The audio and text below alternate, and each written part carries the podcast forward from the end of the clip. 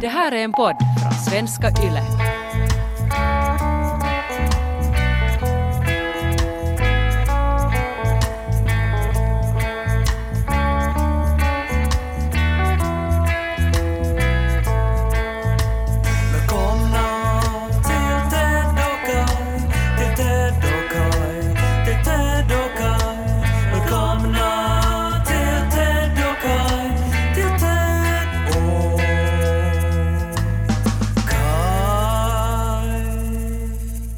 Välkomna till Ted och Kai-podden, kära lyssnare. Hej Ted. Hej Kai, avsnitt 230. Om ni tycker att det låter stelt så är det alltså för att vi är på olika plats just nu. Jag är hemma i Helsingfors och Kai är i Essie. Visst? Jag befinner mig hemma eh, hos mina föräldrar efter två veckor i eh, husbil runt omkring i landet. Jag är på en sån här, no, en riktig semester kan man säga. Du verkar ju vara på någon sorts halv, eller vet du, du sitter i någon inspelningsstudio i ditt kök vad det verkar. Nå, jag är hemma för tillfället. Vi har också varit i Österbotten. Vi var nästan en hel vecka i Pormo. Uh, och uh, så kom vi hem i fredags. Så nu är jag hemma. Och nu, nu är vi så här uh, lite mittemellan att nu funderar vi liksom vad, vad nästa steg ska vara. Hemma och tvätta lite kläder och, och sådär. Du är ju inte riktigt en sån här semestermänniska. Jag minns ju när, eh, jag får inte med på resan, men det hördes rykten om det här att när ni eh, i gymnasiet åkte till Turkiet så uh, lämnade du inte hotellrummet en enda gång på hela veckan. Här, här, är- här är mycket, mycket fel nu det här. För det första var det Cypern. Och för det andra var det inte en hel vecka. Det var vissa dagar som jag låg inne på hotellrummet för att vi hade AC. Eh, och det var för varmt för att vara ute. Mm. Ja, som jag hörde det så läste du hela någon sån här fantasyserie om något eh, träd som kunde äta upp universum eh, i Nej. 20 delar. Medan Ja. andra då var ute och festa och drack sangria och eh, njöt av solen. Ja, det var Terry Pratchett som jag läste. Och jag var faktiskt på en sån här vad heter det sådär när man dras i typ ett äh, fallskärm bakom en båt? Eh, det, Något så här parasailing eller någonting. så alltså du hängde i en sån här skärm ändå? E- Efter en båt alltså. Och, och fortfarande Ja. alltså när, när, jag, när jag nämner det här åt Janika så börjar hon skratta genast. Alltså bara, bara när hon liksom fantiserar det att jag har varit på det så kan hon inte sluta skratta. Och jag förstår inte riktigt vad det är men hon tänker på något sätt att det är som motsatsen till, till jag som idé. Att på något sätt göra en sån sak. Det är ju nog alltså, alltså någon sorts light-version av så här liksom kitesurfing och så här, tror jag nog. Mm. Eh, och som inte det är ju heller surfing, utan det är ungefär att liksom dra mig vart du vill. Och i princip så Jaha. går det ju att läsa en bok medan det här pågår Jaha. också. Men det var, det, det var ju inte alls roligt, eh, utan att det var ju, det var ju ganska sådär uh, obekvämt var det ju. Och, och sen också att liksom att ge pengar åt, åt någon, någon random cypriot och så får man ut då i en liten båt. Så det kändes ju också lite osäkert. Eh, så att eh, jag måste väl nog hålla med att jag är kanske inte en sån här, en semestrare. Ja, nej men jag menar så här, alltså det pratas ju mycket om, om vad som är riktigt nu för tiden. Det är Mm. ju eh, Stås här i Finland har vi Sannfinländarna som ju redan i sitt namn säger att, eh, att de är de riktiga finländarna. Det är ju ett bra ord, alltså att om, om, man, om man säger att någonting är riktigt eller att någonting är sant, så då får ju den som hör det här ordet fylla i själv i sin hjärna vad det symboliserar för den människan. exakt ja. Donald Trump säger, säger ju att, att det är ju liksom de här the real polls visar nog att det är han som leder. Ja, Och så får man i sitt eget huvud fylla i vad det betyder. men, men jag tror ändå, även om jag är en motståndare till populism, så tror jag att alla lyssnare kan hålla med om att jag är på en riktig semester nu. För jag är så här, så, vet du, åker husbil, ligger på olika stränder, har blivit brunbränd och eh, har på något vis glömt bort tid och rum, hade ingen aning om vad det var för dag idag innan du skickade meddelande att Ja. ska vi podda. Men Kai, alltså enda skillnaden från det där från ditt liv som författare är ju husbilen. Det här är ju inte alls sant. Annars är det ju precis likadant. Du har ingen aning om vad det är för dag när man ringer. Uh, mycket Det alkohol. Ett, otro, ett otroligt nedvärderande av, av, av mitt yrke här. Eh, jag, har ju, jag har ju inte ens tänkt på litteratur. Eller jag har läst bra böcker, har jag gjort, men jag har Mm. inte som tänkt på att, på att skapa någonting eget. Det har varit väldigt avslappnande. Mm. Jag, jag, jag, jag, är som, jag, jag är helt eh, så här nollställd på något sätt. Ja. Och, och sen har vi ju upplevt så, så otroligt mycket saker. Men nu är du då hemma i Essie? Nå, sen då så blev det ju dåligt väder plötsligt då och eh, vi var uppe i Lappland och, och vandrade eh, fjällen och så här och eh, så, plötsligt då så såg det ut som att nu kommer det bara att regna och åska i en vecka och då är det ju inte jättekul att gå omkring i vildmarken. Mm. Speciellt inte som att vi hade inte förberett oss med några bra kläder heller för det var ju som hög sommar när vi for och det, allting visade att det skulle vara jättevarmt i liksom en månad framöver. Mm. Eh, Men eh, så då vände vi kosan söderut och körde ner till Österbotten. Så nu är jag hemma hos mina föräldrar i, i Esse faktiskt. Mm. Och eh, här är det också regnigt och eh, vi, vi äter mammas köttfärslimpa och eh, jag träffar eh, mina bröder. Och upprör min mamma också, Varför, varför det? som vanligt. Kan du inte låta henne vara i fred? Det är svårt, men det här, min mamma är ju, är ju motståndare till många olika saker. Som Ja. till exempel kryddor och eh, alkohol och eh, sin sons jobb. till exempel. Det skulle vara en jättefin t-shirt det också. Fuck kryddor, alkohol och min sons jobb. Det skulle bli en storsäljare i Pedersöre liksom. Det, jag skulle till och med kunna ha Pedersöres logo på, på skjortan. Den här nya logon. ja, Transformers. Mm. Eh, men det här, eh, ja, nej men, eh, men nu den, den här gången så, så, så var det faktiskt inte egentligen jag då som, som upprörde, utan det kom ett, ett brev från en poddlyssnare. Mhm. Och eh, eh, det är ju roligt, man får jättegärna höra av sig både på, på, på Instagram och på, och på mail, mm. teddokaj.yle.fi, men också framförallt kanske enklast är det ju via Ted och Kajs omklädningsrum på Facebook. Mm. Eh, den mest aktiva Facebookgruppen Ja, där, finns på ju, Facebook. där får man ju också likes. Precis, och, ja. Men eh, nu var det då en som hörde av sig med en bild eh, på en ny tatuering som hon hade tagit. Mhm. Och eh, hon hade då lyssnat på podden, det här avsnittet när jag pratade om, om Mona Lisa. Att min mamma uh, skaffade Mona Lisa som tavla till, till sitt TV-rum. Ja, här, alltså en viktig detalj här är ju för att det var ju hennes son som hade väl klagat på att, att, att de borde ha lite konst, var det inte så? Nå, alltså jag bara såg att de hade målat väggarna, de var fint målade men tomma, så jag föreslog att hej, här skulle ju kunna passa en tavla. Och så nickade mamma, och ett halvt år senare när jag var hemma igen så hade hon då hängt upp Mona Lisa på Ja, väggen. men det, jag tycker det är så fint det, för att det är ju i princip samma sak som att hon skulle ha fått ett, ett långfinger och hängt upp det. Ja, eh, om min mamma skulle vara prone to sarcasm, Det är ju en kommentar. det, nå, så, så kan man absolut tolka det. Jag tror nog bara att hon helt enkelt hörde ordet tavla och så gick eh, de här kuggarna Mm. och så kom det liksom att ja, hon, hon, hon, hon hatar ju modern konst. Hon Mm. hatar ju sånt som är obegripligt. Så att vad återstår då? Nå, Mm. Det är ju typ några tavlor hon tänkte på. Mona Lisa var en av dem. Men i alla fall, nu då så hade den här poddlyssnaren då uh, skaffat Mona Lisa som tatuering på sin arm. Jaha. Inspirerad av mina föräldrar. Och skrev det här då uttryckligen i brevet att, att tack vare Kais föräldrar så har hon nu då Mona Lisa tatuerad på sin kropp.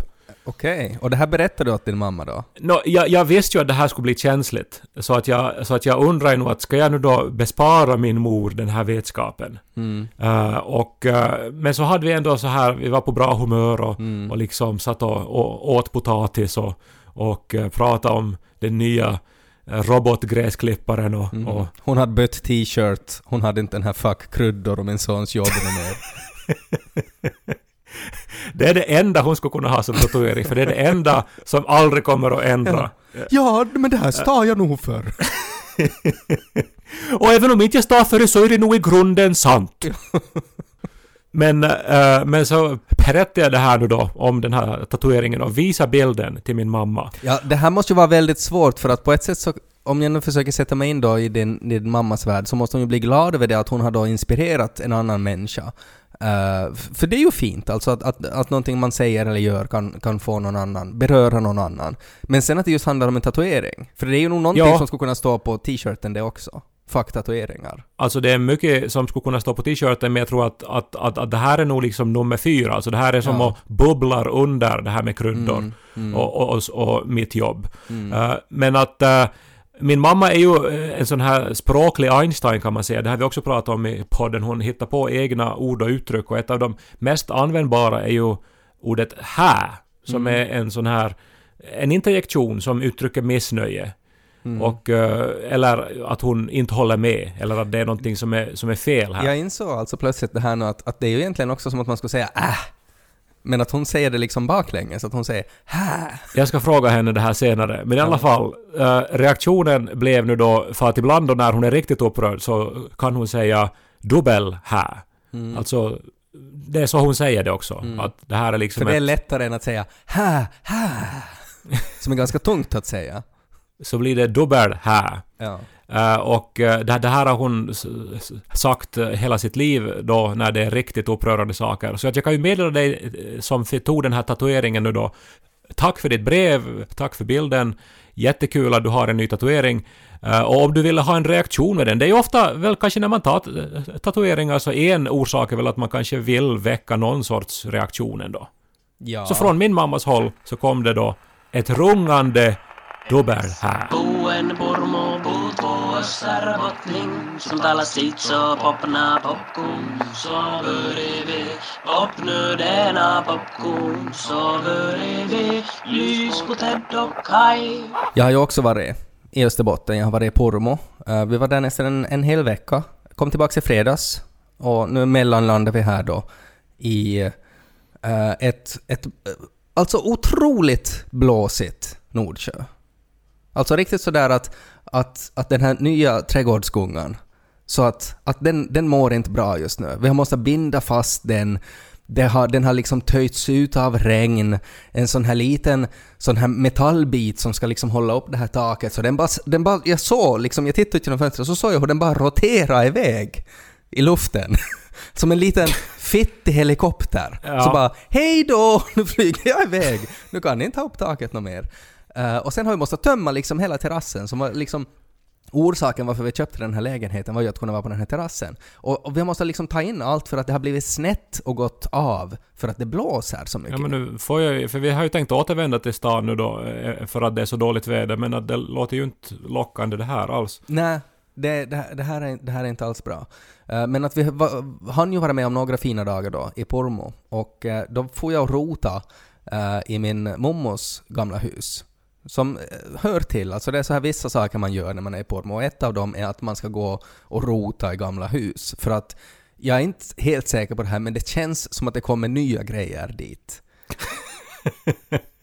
och, att, och att det är lite sådär att man inte riktigt vet att man är sådär, ha, har det varit en vävmaskin? Vad heter det? En sån här som man kan väva?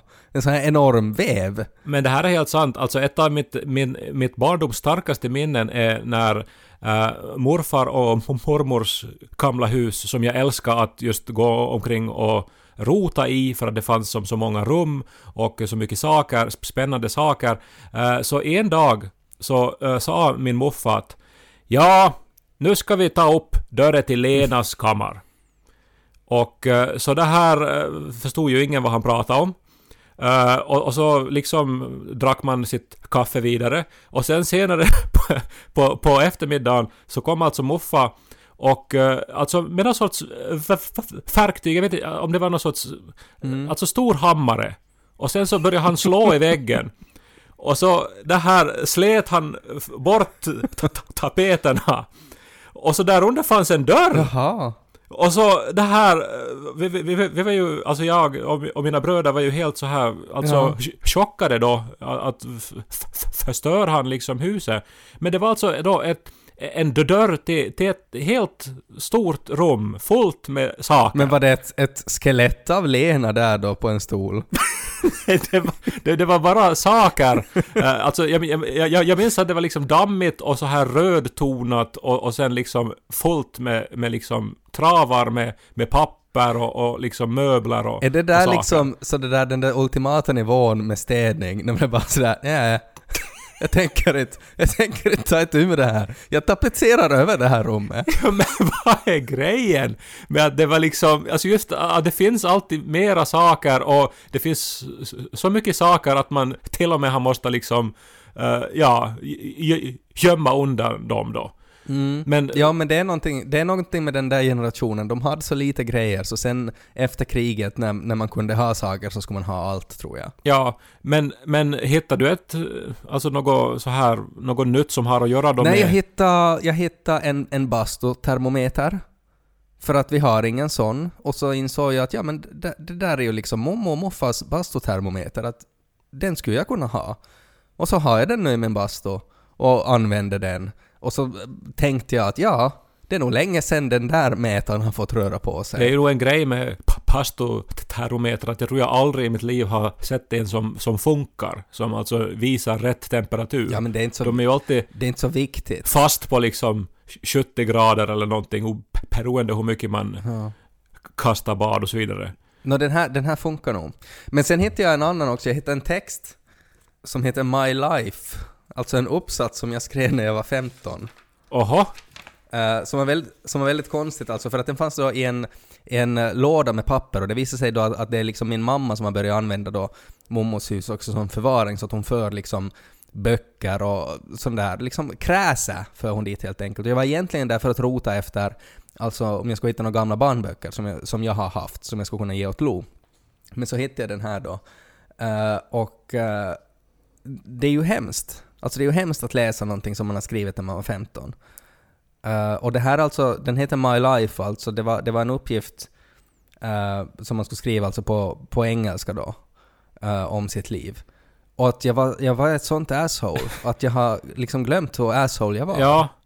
Nu är jag ju hemskt nyfiken, men om jag känner dig rätt så har du ju skrivit en ironisk uppsats här. Alltså, för att Jo, du skrev ju knappast om ditt liv så som det var, utan du har försökt på något vis krydda till det, eller försökt vara lustig på något sätt. jo, jag har verkligen försökt vara lustig och, och inte riktigt inte riktigt funkat. Men att jag har till exempel här så har jag skrivit om mina intressen och det är ju intressant sådär, mina intressen då som 15-åring. Då har jag skrivit om music. Music doesn't really attract me. Some people are like crazy if they can't hear their favorite song and just have to go out and buy an expensive CD. Det är mycket värderingar här.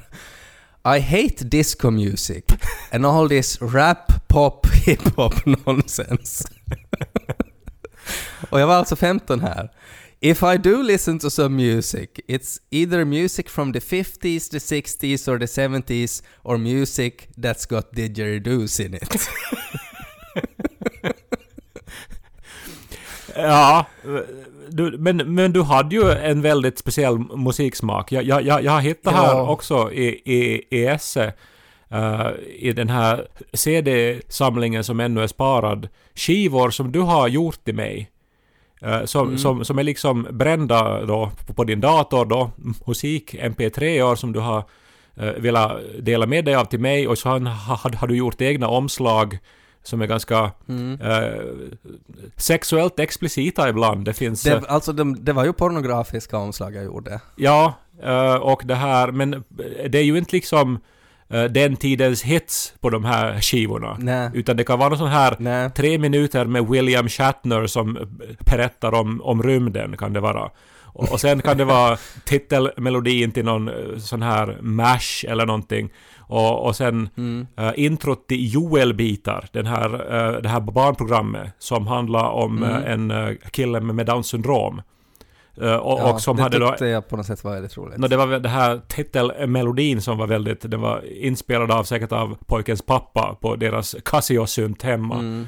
Eh, så den uh, lyssnar vi mycket på. Det är här alltså nu som jag, som, som jag blir till det här assholet som jag är ute efter, för sen har jag också skrivit om böcker. You can't beat a good book in a cold winter evening.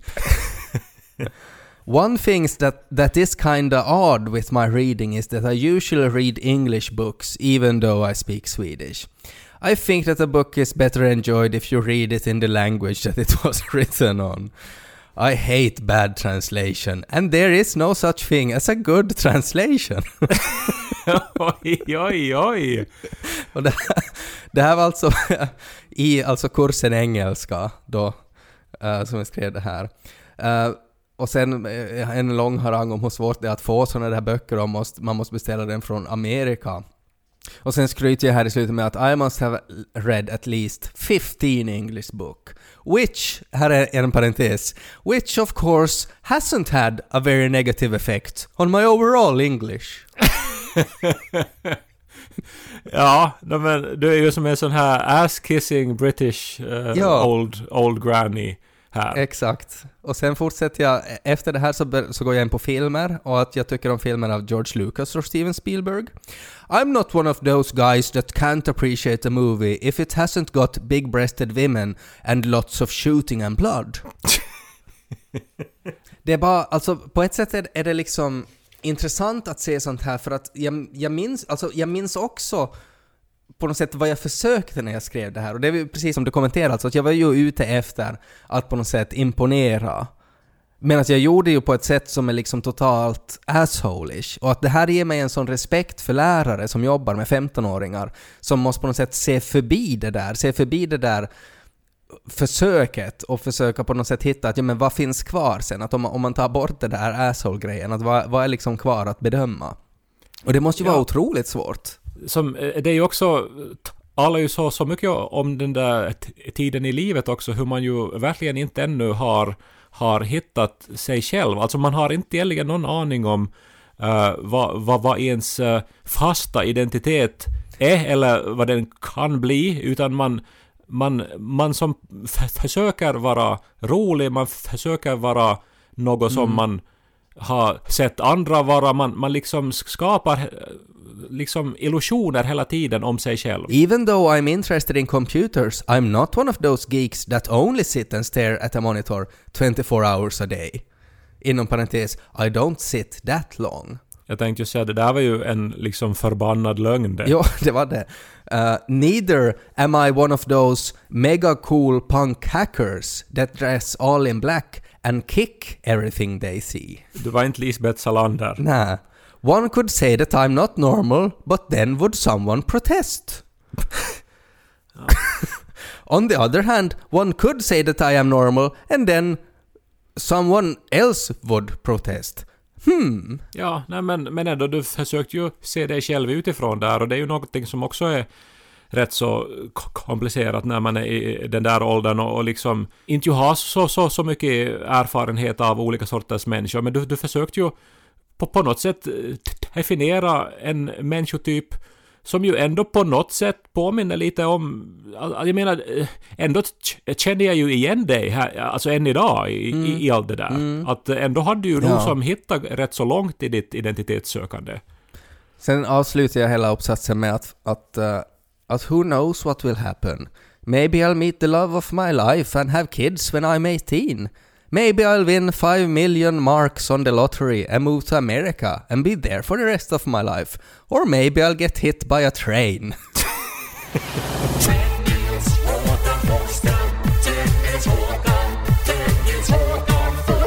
Det kan ju inte ha undgått eh, många uh, om jag säger att knull is coming. Ja, nej. Uh, det har blivit ett, ett av den här resans stående uttryck också. Att, Uh, att uh, alltid liksom när vi liksom eh, beger oss iväg och är så här att vad ska hända idag? Vi vet inte. Det enda vi vet är att knull is coming har vi sagt. Och så, och så har vi skrattat hjärtligt. Jag förstår det. Om det är någon mot förmodan nu som inte vet vad vi syftar på så är det alltså uh, en av Marvels seriefigurer uh, som heter Knull. Alltså K-N-U-L-L. Uh, men det ska väl uttalas egentligen så här null eller noll eller, eller något sånt. Men att Marvel har nu gjort alltså en, en reklam, banner, där det bara står “Knull is coming”.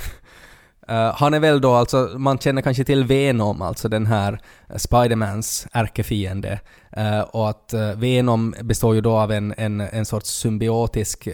han, han är väl en, en symbiot, heter det väl. Eh, alltså den här dräkten som lever. Och det är väl hans typ gud som är knull då. Han är, han är God of the Symbiotes. Det som man ju direkt funderar att, ja, men visste de om att, att vad knull betyder på svenska?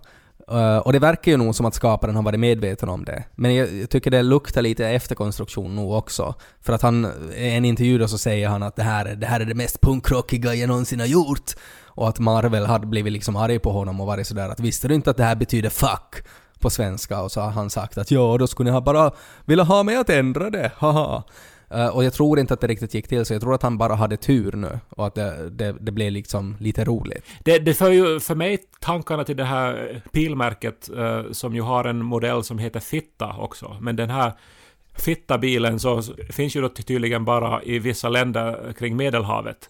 Och har ju inte lanserats i Norden. Nej, Men det är ju jätteroligt nog också på något sätt. det är jätteroligt. Och, och sen och sen tänker jag på en bok av Stephen King som heter Duma Key som kom för tio år sedan kanske.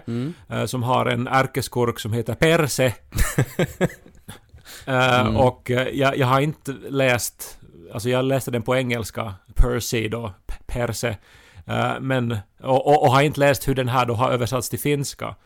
Men, men att jag smålog mig ju igenom alla de här klimaktiska scenerna förstås då. Ja. När han då ska förbereda sig på att, eh, på att drabba samman med Perse. Det som jag tänker mest på är att, att jag menar att när den här serien då kommer på svenska, eh, att ska de, ska de hitta på ett nytt namn åt honom? För att det är ju ofta sådär att jag menar han heter ju inte Spiderman på svenska, han heter ju Spindelmannen och det är ju inte Superman, det är ju Stålmannen.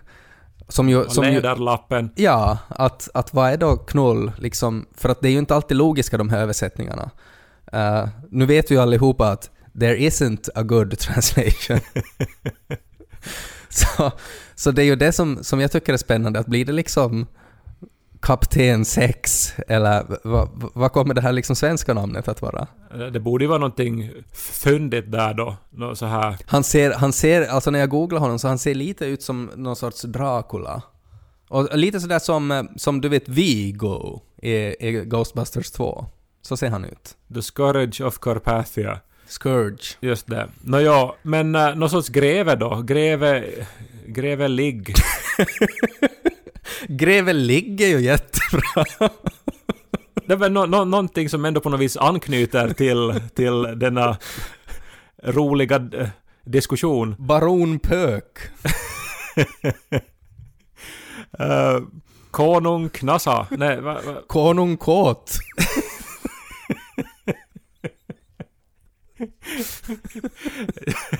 Det måste nog vara något hotfullt också. Konung K tänker jag Ja. vara någon så här, så här libertin med liksom ölmage som sitter på en tron och slemmiga läppar. Nej, Greve är ganska bra, för det, jag menar det är ju Greve Dracula. Greve Pipp. Kanske vi kan ge det här som en uppgift åt, åt alla vackra människor i, i Terukais omklädningsrum. För att det var också där som någon hade postat den här bilden på Knullis coming. Eh, så att, att om, om ni kommer på en, en bättre översättning på vad, vad han skulle heta på svenska så skriv det i kommentarerna där. Chips för.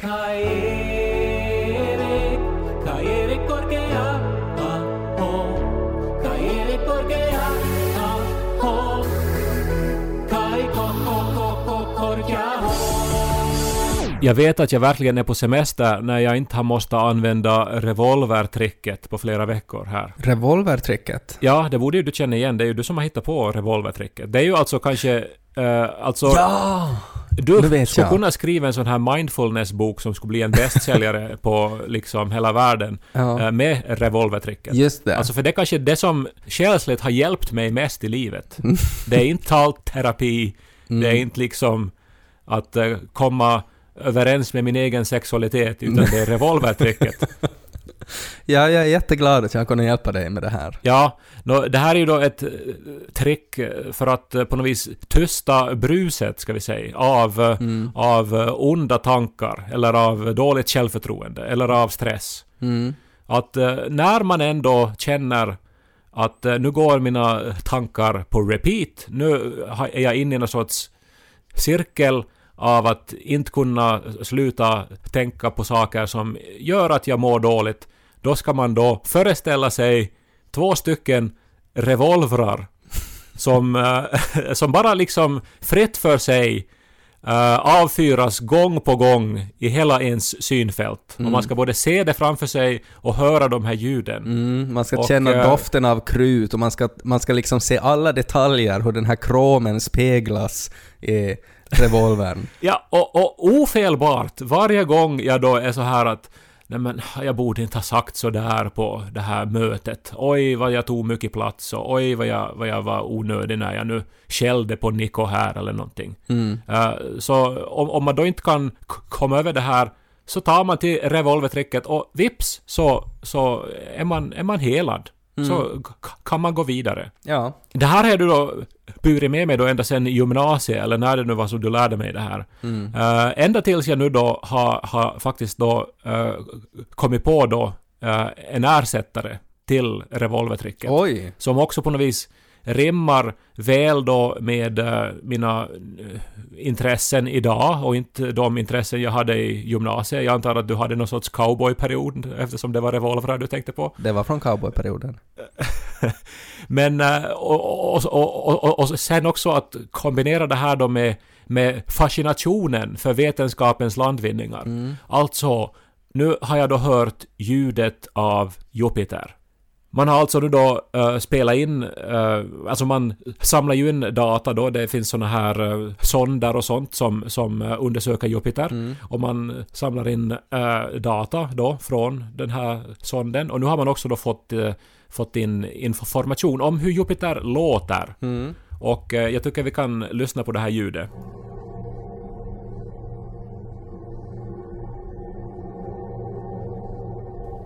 Och, och, och när jag hör det här ljudet och sen så vet jag att det här är liksom en eh, planet som är 1300 gånger större än planeten jorden. Och att det där ljudet är det enda som hörs på en sån enormt mycket större ställe. Så då eh, är ju ingenting som jag kan tänka på här, eller vara orolig för här, eh, värt att oroa sig för. Det där ljudet på något vis wipar ut allting. Men jag, jag tycker att det är nästan sådär lite ångest det där ljudet. Alltså det är någonting så här Lars von Trier eh, med det där ljudet tycker jag. Tycker du att det är liksom tröstande det där? tröstande på eh, det viset just när man har någonting som man oroar sig för. Så är det så här att ja, no, men vad jag än oroar mig för nu så helt uppenbart så spelar det ingen roll. För så där låter det på Jupiter. Helt uppenbart spelar det ingen roll för Jupiter. Nej, men för att det finns att, så mycket större saker där ute Ja. som, som, som verkligen Ja. inte bryr sig alls. Som han är så här vitt brus. ja, nej, jag, jag kan förstå det alltså i den där kontexten just att sådär att ja, men spelar det här någon roll för Jupiter? För att det är väldigt få saker som gör det och det är ju sist och slutligen väldigt få saker som faktiskt spelar roll. Just så här att var jag snäste jag åt Nico eller någonting sånt där, så är kanske inte liksom jätte, jätteviktigt utan det är saker man hakar upp sig på. Och då kan det vara skönt att få det där perspektivet. Ja, men kommer det här faktiskt att påverka Jupiter? Om det är någonting som påverkar Jupiter, då borde man kanske be om ursäkt. Så att, så, så att om jag, så, så att om det liksom, när man då eh, samlar in data från Jupiter, om det där då skulle som eh, plötsligt skulle det här vita bruset avbrytas med någon sorts ljudklipp från när jag är i högstadiet och liksom håller en föreläsning och stammar så att alla skrattar. Så då vet jag att det kanske ändå ligger någonting i min äh, ångest då. Ja. Ja, nej jag förstår det där. Jag kanske håller inte med om att det liksom direkt är nödvändigtvis bättre än revolvertricket. Men det är ett annat, en annan form av liksom perspektiv till det. Jag tror ändå Ja, att när det är liksom helt kaos så tror jag att revolvrarna är bättre för att de, är liksom, de, de pangar så högt. Eh, Men att det där kan vara som, som ett, eh, ett komplement. Ja, och är det inte ändå liksom det där Jupiter-ljudet eller då det revolvertömda medvetandet som man vill åt med semestern? Mm. Ja men så är det väl. Att ingenting egentligen spelar någon roll, man är bara i något sorts sån här konstant njutningstillstånd av av värme och god mat och, och det är bara liksom skönt. Man är i ett tillstånd av skönt. Man vill inte ha ett behov av Jupiter eller revolvrar. Det ska inte vara några kryddor, det ska inte vara någon alkohol.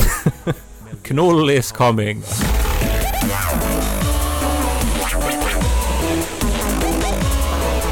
Mel Gibbs.